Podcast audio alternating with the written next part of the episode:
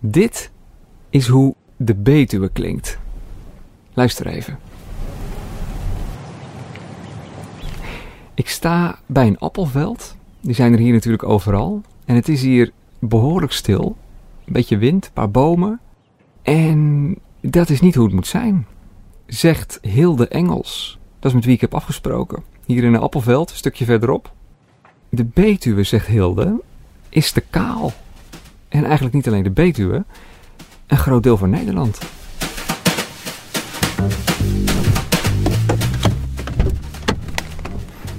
Hey, goedemiddag. Dit is De Groenkast. Een podcast van Trouw over mensen die genomineerd zijn voor de Duurzame 100.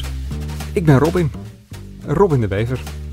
We zijn er. We zijn er. Fijn. En welkom. Fijn dat je er bent. Ja. We zijn hier bij fruitteler Bert de Haan. En eh, je ziet hier al die prachtige lege kisten staan. Die moeten allemaal gevuld worden. Met de appels en de peren. Want eh, afgelopen maandag is de pluk begonnen. Ja, je bent eigenlijk in de bijzonderste periode van het jaar ben je hier.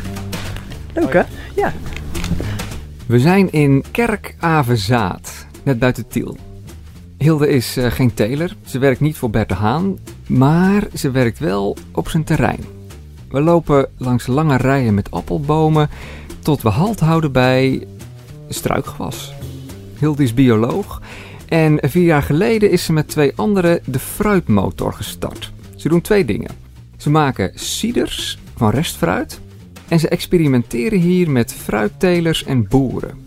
En dat begint allemaal hier, bij dit struikgewas. En je ziet er ook wel wat bijen bij. Wij zien hier, wij, zijn, wij staan hier bij een rij eh, appelbomen. Ja. En er ligt gewoon wat grond omheen natuurlijk. Daar staan de, de bomen in. En naast die grond, er is 40 centimeter grond of zo geloof ik. En daarnaast staat, eh, ik zou het onkruid noemen denk ik. Ja, eh, kruiden zijn het zeker. Ja. Ehm, dit is eh, wilde sigorij, wilde an- andijvie zeg maar. Eh, verderop zie je dat nu de kaasjeskruid prachtig bloeit. En dit is een rij met allerlei verschillende eh, bloemen die we pe- speciaal hebben uitgezocht. Dat ze van april tot en met september in volle bloei staan. Dus het moment dat eh, de eerste bijen er zijn, hebben ze ook aanbod van voedsel. En dat voedsel, daar gaat het om. Die bloemranden, daar moeten er de komende tijd veel meer van gaan komen. Om de 100 meter. En dat worden een soort eh, lokstruiken. Bijen zijn natuurlijk nodig voor de teelt. Zonder bijen geen bestuiving. Zonder bestuiving geen appels. En dat is waar Hilde zich mee bezighoudt. Ze wil dat telers anders gaan denken. Dat ze gaan zien dat bijen een stuk belangrijker zijn dan ze altijd gedacht hebben. Dat het dus wel handig is om in het voorjaar eh, een imker te vragen om bijenkasten neer te zetten voor de bestuiving. Maar dat dat niet voldoende is. En dat is wel, wel makkelijk. Maar joh, zorg gewoon voor je eigen bijen. Dan heb je het zelf in de hand ook. En, en, en het idee bij de bloemrand is, eh, daar komen bijen op af. Ja. Dat is fijn voor de bijen, want dan hebben ze wat extra eh, bloemen om te besnuffelen. Maar daar profiteren de appels hier ook van. Ja, dat klopt ja. Want eh, dat heeft Wageningen Universiteit uitgezocht. eh, dat hoe meer verschillende soorten wilde bijen er zijn, hoe beter de bestuiving kan plaatsvinden en hoe hoger de kwaliteit van de appels wordt. Dus dan worden de appels echt mooi, mooi rond in ieder geval en heb je daar geen uitval op. In, appels zit natuurlijk zo'n eh, prachtig klokhuis wat uit vijf delen bestaat. En eh, dat betekent ook dat die eh, vijf delen, die moeten gewoon goed bestoven worden. En als er een van die kamertjes niet goed bestoven wordt, dan groeit de vrucht ook niet evenredig uit. Dus dan krijg je een, een deukje erin, of je krijgt een appel die niet helemaal mooi rond is. En nou ja, we weten allemaal dat de supermarkten daar ook op uitzoeken. En dat betekent dus dat je eh, een appel die niet mooi rond is, die valt in de bak eh, van restfruit. En wij hopen dat we dus met dit project dat er ook minder verspilling kan ontstaan. Dus, even heel simpel gezegd, hoe meer bijen, hoe meer appels. En hoe minder appels er moeten worden weggegooid. Of linea recta naar appelsap of eh, appelmoes worden gestuurd. Een deel van die appels, en ook eh, ander fruit trouwens, een deel daarvan, dat redt Hilde zelf. Dat fruit krijgt ze van de telers en daar gaat ze mee aan de slag. Ehm, ik heb een paar flesjes voor je meegenomen, dat je ook kan zien wat we van die restappels allemaal maken. Uh, want het verhaal is dus dat wij van appels met een plekje en een vlekje, dat we daar mooie producten mee maken. Onder andere ciders met alcohol, zonder alcohol, en met framboos, met kers en bes. Nou, allerlei uh, prachtige mooie varianten. En met het geld dat we daarmee verdienen, uh, organiseren we bijeenkomsten, zorgen voor planten en zaaigoed, uh, voor de telers, dat ze allemaal kunnen verduurzamen op het ecologische gebied. Met dus bijvoorbeeld bloemranden. Met de opbrengst van die ciders die ze verkopen, kopen ze weer meer zaden. En nou, die zaden gaan dan weer naar de telers en die kunnen daar dan weer meer bloemranden van aanleggen. Maar uiteindelijk is dat tegengaan van voedselverspilling maar een deel van het verhaal. Dat lokken van bijen, dat doen ze voor de appels, maar ook voor de bijen zelf. Om ze, ja, te redden. Van alle bijensoorten die we in Nederland hebben, en dat zijn er eh, bijna 400 of zo, staat meer dan de helft op de rode lijst. Als in, die soorten, als we niet oppassen, gaan ze echt verdwijnen. Terwijl ze zo essentieel zijn. als je nou hier middenin, want we zitten natuurlijk midden in een, nou ja, het is enorm hier, hè? de appelbomen zover het oog strekt. Je zet hier een bloemrand neer en dan komen de bijen gewoon. Werkt het zo? Ja, ja, ja, ja, ja, ja. Dat is uh, wel heel mooi. Uh, we zijn nog niet zo ver gezakt, gelukkig, dat er geen bijen meer zijn. Dus die bijen die komen echt uit de omgeving op die bloemranden af. Dus die bijen die zijn, je ziet ze misschien niet, maar ze zijn er nog wel. En uh, dus wat we hebben gezien is ook. Ik, ik zie ze zeker terwijl je dit vertelt. Uh, vliegt er een bij langs mijn hoofd. ja. Dus we hebben ook al gezien dat uh, in dat ene jaar dat we hier bezig zijn, dat er ook al bijen uit de rode lijst, dus die echt bedreigd zijn met uitsterven, dat die ook al hier rondvliegen. Dus ja, we moeten gewoon hier heel snel mee doorgaan en dit opschalen. Dan, dan bestaan al die bijen nog en hebben we er ook allemaal plezier van allemaal als in niet alleen de appels en de telers, maar iedereen hier in de Betuwe. Bijen heb je natuurlijk nodig voor een duurzaam landschap. Dat die bijen worden bedreigd, dat kun je gewoon zien, zegt Hilde. Nou, dus ik woon hier nu 15 jaar in de Betuwe. Het is een geweldige streek om te wonen. Ja, je bent er doorheen gereden.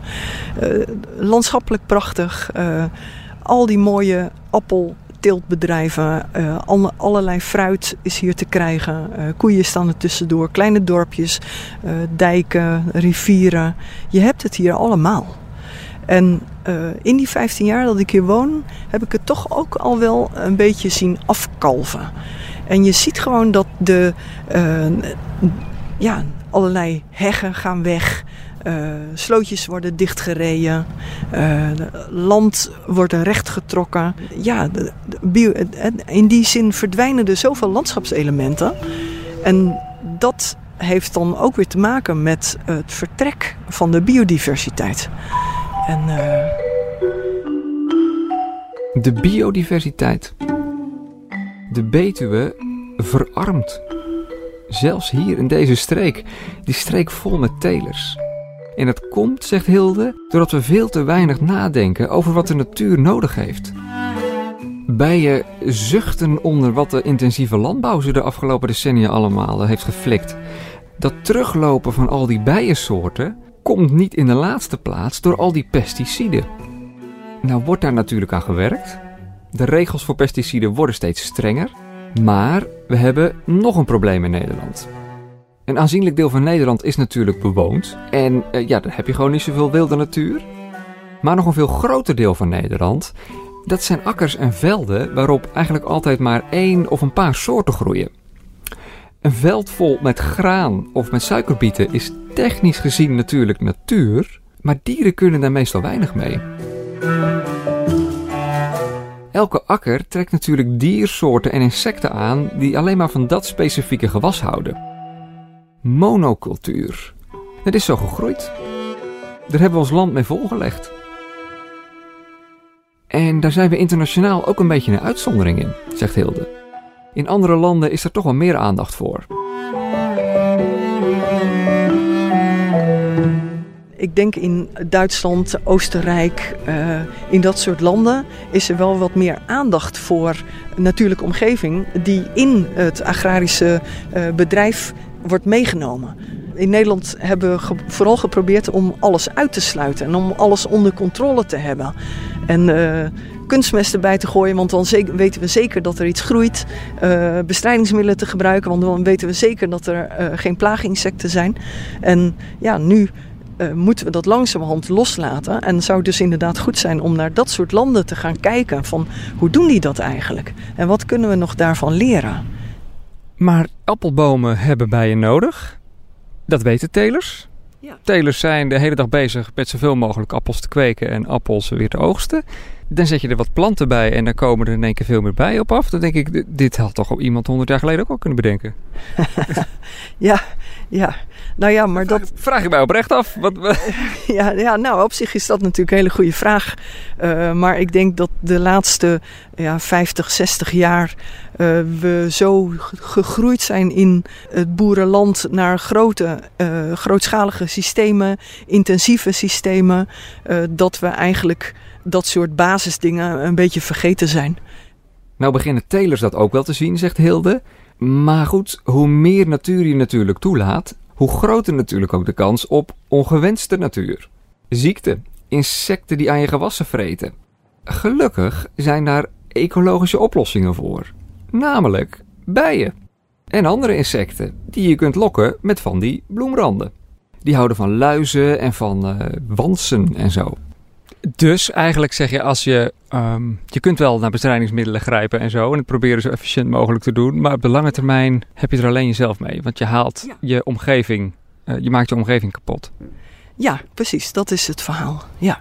Ja. En van die omgeving moet je natuurlijk gewoon hebben, want dat is de grond waarop je groeit. Ja, precies. En bestrijdingsmiddelen zijn slecht voor het bodemleven. Uh, ja, kijk, dus op die manier zullen we moeten leren om weer meer, ja, eigenlijk landbouw te, te, te bedrijven die op ecosystemen uh, gebaseerd is. In plaats van wat we nu doen, zorgen dat er zo weinig mogelijk ecosysteem is, omdat we alles willen uh, controleren.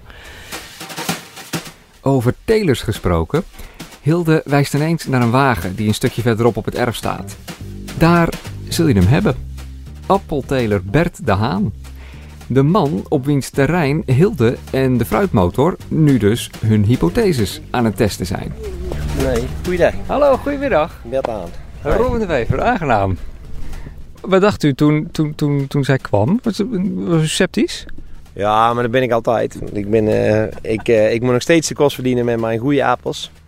Maar het is voor ons vooral van belang. Ehm, we krijgen steeds minder goede gewasbeschermingsmiddelen. Om, om onze schadelijke insecten en het klimaat verandert. Dus we hebben iets meer last van plaaginsecten. En dan krijgen we steeds minder goede middelen. En als we dat dan op een natuurlijke wijze kunnen doen, dat scheelt in geld, dat scheelt in uh, milieubelasting. en het is beter voor ons imago als sector. Ja, dus eigenlijk zegt u, het moet ook wel, want we worden ook gewoon een beetje zo afgedraaid. Uh, in ieder geval wat betreft bestrijdingsmiddelen. Ja, als we niet uitkijken, dan zijn we in 2030 helemaal afgedraaid. Dus dan hebben we helemaal geen goede middelen meer voor onze plaaginsecten. En nou ja, nogmaals, door de klimaatverandering komen, komen we nu ook in één keer nieuwe insecten tegen. En dan komt in één keer ja, en dan... heel de Engels binnenlopen en dan denkt u, ja, dat is het. Nou ja, we gaan het zien en het is zeker uh, meerwaarde en daar denken we ook samen over na. En we zijn het lang niet altijd eens, Hilde, hè? Uh, maar... Maar ja, als er een goede bijdrage zijn om meer evenwicht in de boom te krijgen van schadelijke en nuttige insecten, ja. dan uh, doe ik zeker mee. Dan zal ik niet, uh, dan zal ik niet achteraan lopen, dan loop ik vooraan. Ja, je bent ook een mooi, ja. Die samenwerking met telers als eh, Bert de Haan en die bloemranden die hier overal moeten gaan verschijnen, die zijn super belangrijk, maar die zijn niet het einddoel. De bijen zijn uiteindelijk een vliegwiel als het een beetje meezit, zijn zij straks met veel meer. En dan wordt er veel meer bestoven. Waardoor er dan meer flora is, is het idee. En daar moeten dan weer nieuwe insecten op afkomen. En die vormen dan weer voedsel voor andere dieren. Enzovoort. Niet alleen hier in de velden, maar ook daartussen, tussen de velden, in de gewone wereld. En daarover is ze nu in gesprek met gemeenten hier in de Betuwe. Die moeten een knop gaan omzetten. Dus wat je nu ziet, bijvoorbeeld, als je nu teruggaat uh, straks naar de snelweg, dan zie je ontzettend veel kale uh, bermen, maar tegelijkertijd ook kale uh, slootkanten. En alles wordt tegelijk gemaaid. En dan zijn er dus geen bloemen meer over voor de bijen. Dus die, ja, die gaan dood, die hebben gewoon geen eten. Veel bermen moeten natuurlijk wel af en toe aan de rand worden bijgesnoeid, want anders is het niet veilig voor het verkeer. Maar zoveel en zo gretig maaien als we in Nederland doen, daar moeten we vanaf. Ja, dan, dan zul je zien dat het eigenlijk vrij snel terugkomt ook allemaal. Dus de vraag aan de gemeente is eigenlijk... Uh, we hebben een heel idee voor een, voor een, voor een bijeninfrastructuur en de natuur moet, natuur moet hier opleveren. Uh, en we hebben een hele grote vraag aan jullie. Willen jullie gewoon wat minder maaien hier? Ja, ja, ja. Ja, ja, ja, ja maar hoe moeilijk is dat? En dan, ja, niet, niet zo moeilijk. Nee, maar, ja, dan maar? dus tegen uh, allerlei dingen op. Van, uh, de, maar er zijn contracten al. En, maar het is duurder. Maar het hoeft niet duurder te zijn, want dat, dat is ook al lang uitgezocht. En nu wat, wat is het duurder als de grasmaaier wat vaker in de garage blijft staan? Ja, nou vooral ook dat ze gefaseerd moeten maaien. En dus je kan niet alles in één keer uh, eraf maaien, maar dan doe je zeg maar om de paar honderd meter maaien en dan stop je weer even en dan ga je weer daarna weer verder. En dan moet je het dus ook gefaseerd ophalen. Dus dat kost wel meer geld, uh, maar aan de andere kant bespaar je ook doordat je gewoon minder vaak maait. En dat kan dus, zegt Hilde in ieder geval, in heel Nederland. Onze overheden moeten dat alleen gaan zien. Hilde en de collega's bij de Fruitmotor proberen er nu gemeenten van te overtuigen. En als het even mee zit, krijgen ze een deze dagen een subsidie van het samenwerkingsverband van gemeenten hier in de Betuwe. En dan kunnen ze in kaart gaan brengen hoe die bermen dan wel gesnoeid moeten worden. En wat er verder nog beter kan qua biodiversiteit. Hoe wij als Nederlanders onze akkers en de velden en de wegen daartussen, hoe we die biodiverser kunnen maken. Waar, waarom zijn wij zo, uh, zoveel gaan snoeien en zo alles zo strak gaan houden? Nou ja, als ik het hier aan de teler, uh, met de teler over heb, dan zegt hij ook wel van ja, uh, ik ben gewoon opgevoed dat het netjes moet zijn. Dus die heeft er een hekel aan. Bijvoorbeeld die nestelkistjes van de wilde bijen die hier stonden. Ja, die heeft hij weggehaald. Want eh, ja, dat, dat is niet netjes in zijn ogen. Dus het heeft niet alleen maar te maken met uh, willen en kunnen, maar het heeft ook met dat soort hele kleine dingetjes te maken. Van uh, hoe kijk je er tegenaan en wat betekent dat dan voor jou? En we hebben onszelf wijsgemaakt dat de natuur niet netjes is. Ja, en we hebben onszelf ook wijsgemaakt dat uh, een ja. appel altijd met een rode blos moet en een maat moet hebben van 80. En, uh, en dat er geen vlekjes op mogen zitten. En zo zijn er natuurlijk heel veel dingen waar we nu achter komen dat het eigenlijk niet zo handig is. De natuur is ook een beetje een rommeltje, hè? even heel eerlijk. Ja, nee, ja, nou sterker nog, uh, hoe rommeliger het is, hoe beter de natuur gedijt. Ja, dat is. Ja, dat willen wij in Nederland natuurlijk niet horen. Ik ben een beetje bang voor wespen. ja, ik zie hem, ik zie hem zitten. niet bewegen. Haal die beesten hier. Pak de bestrijdingsmiddelen. ja, ja.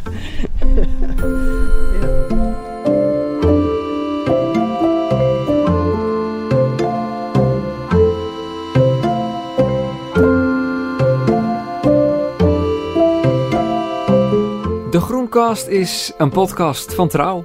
Ter gelegenheid dus van uh, de Duurzame 100. De winnaar ervan en de hele lijst worden bekendgemaakt op 8 oktober. Trouw.nl slash duurzame 100. Wat betreft de podcast, die is gemaakt door mij, Robin de Wever. Meer informatie over mijn podcast op robindewever.nl. En verder een shout-out naar Milieu Centraal. Die hebben geholpen met achtergrondinformatie. Enorm bedankt daarvoor. En nog een laatste dingetje. Als u met plezier heeft geluisterd, zegt het voort. Facebook, Twitter, Instagram, TikTok, een recensie op Apple Podcasts. Dat helpt ons enorm om gevonden te worden door nieuwe luisteraars. En als u vragen heeft of ideeën, groen.trouw.nl. En wie weet, spreken we elkaar nog eens. Doeg!